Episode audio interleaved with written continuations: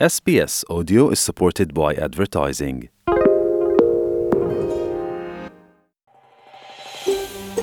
waxaad nagala socotaa s b s soomaali ka raadi sheekooyin dheeraada s b s com au xariijin soomaali israa'iil iyo xamaas oo ka talisa gacanka khaza ayaa aqbalay heshiis xabad joojin oo ay masar dhexdhexaadisay kaasoo bilowday saakaa subaxnimadii wakhtiga gobollada bari ee dalkan australia kadib kow iyo toban maalmood oo dhiig daadanayay. Xafiiska ra'iisul wasaaraha israa'iil benjamin netanyahu ayaa ku dhawaaqay in guddiga ammaanka ee golaha wasiiradu ay ansixiyeen habeenkii khamiista ahayd xabad joojin ay masar dhexdhexaadisay oo u dhexeeya iyaga iyo xamaas go'aankan ayaa imanaya kadib laba saacadood iyo bar ay wadahadallo u socdeen golaha wasiirada taasoo kadib keentay inay ansixiyaan sida lagu sheegay qoraal ka soo baxay xafiiska ra'iisul wasaaraha. Afhayeen u hadlay xamaas oo ku sugan marinka khaza haseem qasiim ayaa sheegay in madaxa golaha sare ee xamaas ismaaciil haniya wakhtiga xabad joojinta ay masaaridu la socodsiiyeen. Dhexdhexaadiye masaari ah ayaa u sheegay xamaas in israa'iil ay ogolaatay xabad joojinta. Sidaas daraaddeedna annaguna waan aqbalnay ayaa lagu yiri ilawareed ka soo baxay xamaas oo aan magacooda la shaacin. Tahiir alnunu oo dhanka saxaafadda kala taliya master haniya ismaaciil ayaa sheegay in falastiiniyiinta iyo xoogaga iska caabintu ay ka go-an tahay inay heshiiska ilaaliyaan oo fuliyaan haddii dhinaca israa'iil sidoo kale laga helo madaxweynaha maraykanka joe biden ayaa soo dhoweeyey xabad joojinta isagoo sheegay inuu arko fursad saxa oo lagu gaaro yool ah in nabad waarta laga gaaro bariga dhexe isagoo ku ammaanay dowladda masar doorka lixaad kale oo ay ka qaadatay heshiiskan xabad joojinta.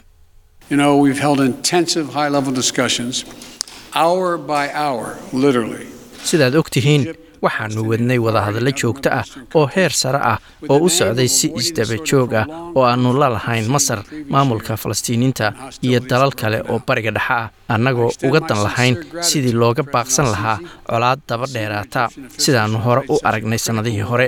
Waxaan aad ugu mahadcelinayaa madaxweynaha masar al siisi iyo saraakiisha kale ee masar oo door lixaad leh ka qaatay diblomaasiyaddan maer biden ayaa ka hadlay qaybta ay dalalka kale ka qaateen sidii loo soo afjari lahaa colaadan isagoo tacsi u diray dadkii uga dhintay labada dhinacba waa israa'iil iyo falastiiniyiintae dagaalkan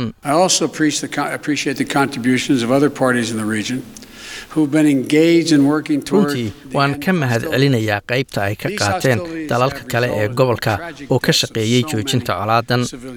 colaadani waxay sababtay dhimashada dad badan oo rayid ah oo ay ku jiraan carruur. Tacsi ayaana u dirayaa qoysaskoodii israa'iil iyo falastiiniyiintaba waxaana rajaynayaa inay kuwa dhaawacanna soo bogsadaan. Madaxweynaha maraykanka ayaa intaa ku daray in maraykanka ay ka go-an tahay inuu kala shaqeeyo qaramada midoobay iyo beesha caalamka in si deg dega gargaar bini-aadamnimo loo gaarsiiyo shacabka degan marinka khaza iyo dadaalada dib loogu dhisayo gobolkaasi. Innagoo u marayna ayuu yidhi qaab aan loo ogolaan doonin xamaas inay dib isu hubayso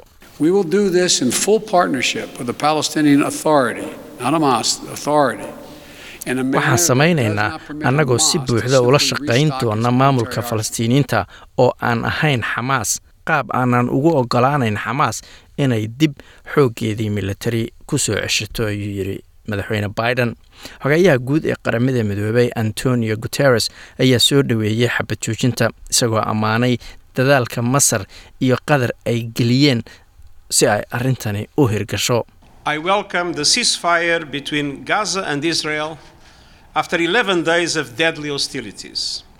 Waan soo dhoweynaynaa xabad joojinta la dhex dhigay khaza iyo israa'iil kadib kow iyo toban maalmood oo colaad ay dad ku dhinteen halkaasi ka socdeen. Waxaan ka tacsiyeynayaa dadkii ku dhintay colaadan waxaan ku ammaanayaa masar iyo qatar dadaalkii ay iyagoo si dhow ula shaqaynaya qaramada midoobay ay degganaanshihii ugu soo celiyeen khaza iyo israa'iil. Waxaana ugu baaqayaa labada dhinac inay fuliyaan oo ilaaliyaan xabad joojintaasi. Markii lagu dhawaaqay xabad joojintana wakiilka qaramada midoobey u jooga masar maxamed idriis ayaa xubnaha qaramada midoobey u sheegay inay maalgelin doonaan dadaalada dib loogu dhisayo dhulka la haysto ee falastiiniinta ee dagaalka khasaaraha uu ka soo gaaray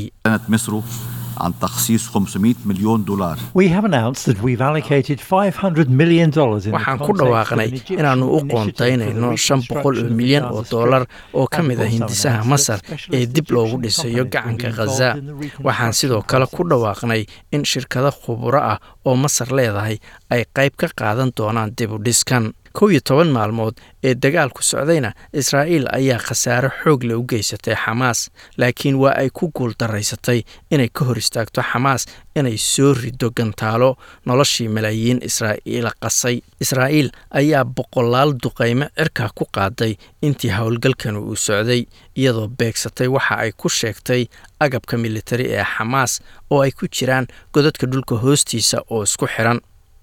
xamaas iyo kooxaha kale ee mintidiinta oo ku jiray guryaha dadku degan yihiin ayaa ku tuuray in ka badan afar kun oo gantaal israa'iil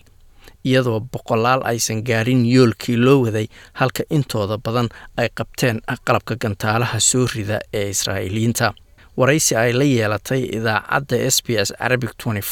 ayuu suxufi faadi xuseen ku sheegay in nolosha qasahadda ay tahay mid aada u adag The humanitarian situation here is very difficult. Many homes and buildings were destroyed. There are xaaladda bini'aadanimo waa mid aada u adag halkan aan joogo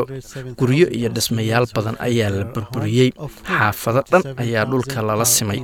ilaa iyo hadda falastiiniyiin ka badan boqol iyo toddoba kun ayaa ka qaxay guryahoodii afartan iyo toddoba kun oo ka midana waxa ay gabaad ka dhiganayaan konton iyo siddeed goobood oo gaaza oo dhan ah ugu yaraan laba boqol iyo soddon falastiiniyiina ayaa la sheegay in lagu dilay dagaalka. Sida laga soo xigtay saraakiisha caafimaadka khaza halka labiyo toban qof oo israa'iiliyiinana ay ku dhinteen. Ma doonaysaa sheekooyinkan oo kale? Ka dhegayso apple podcast google podcast spotify ama meel kasta oo aad podcastigaaga ka hesho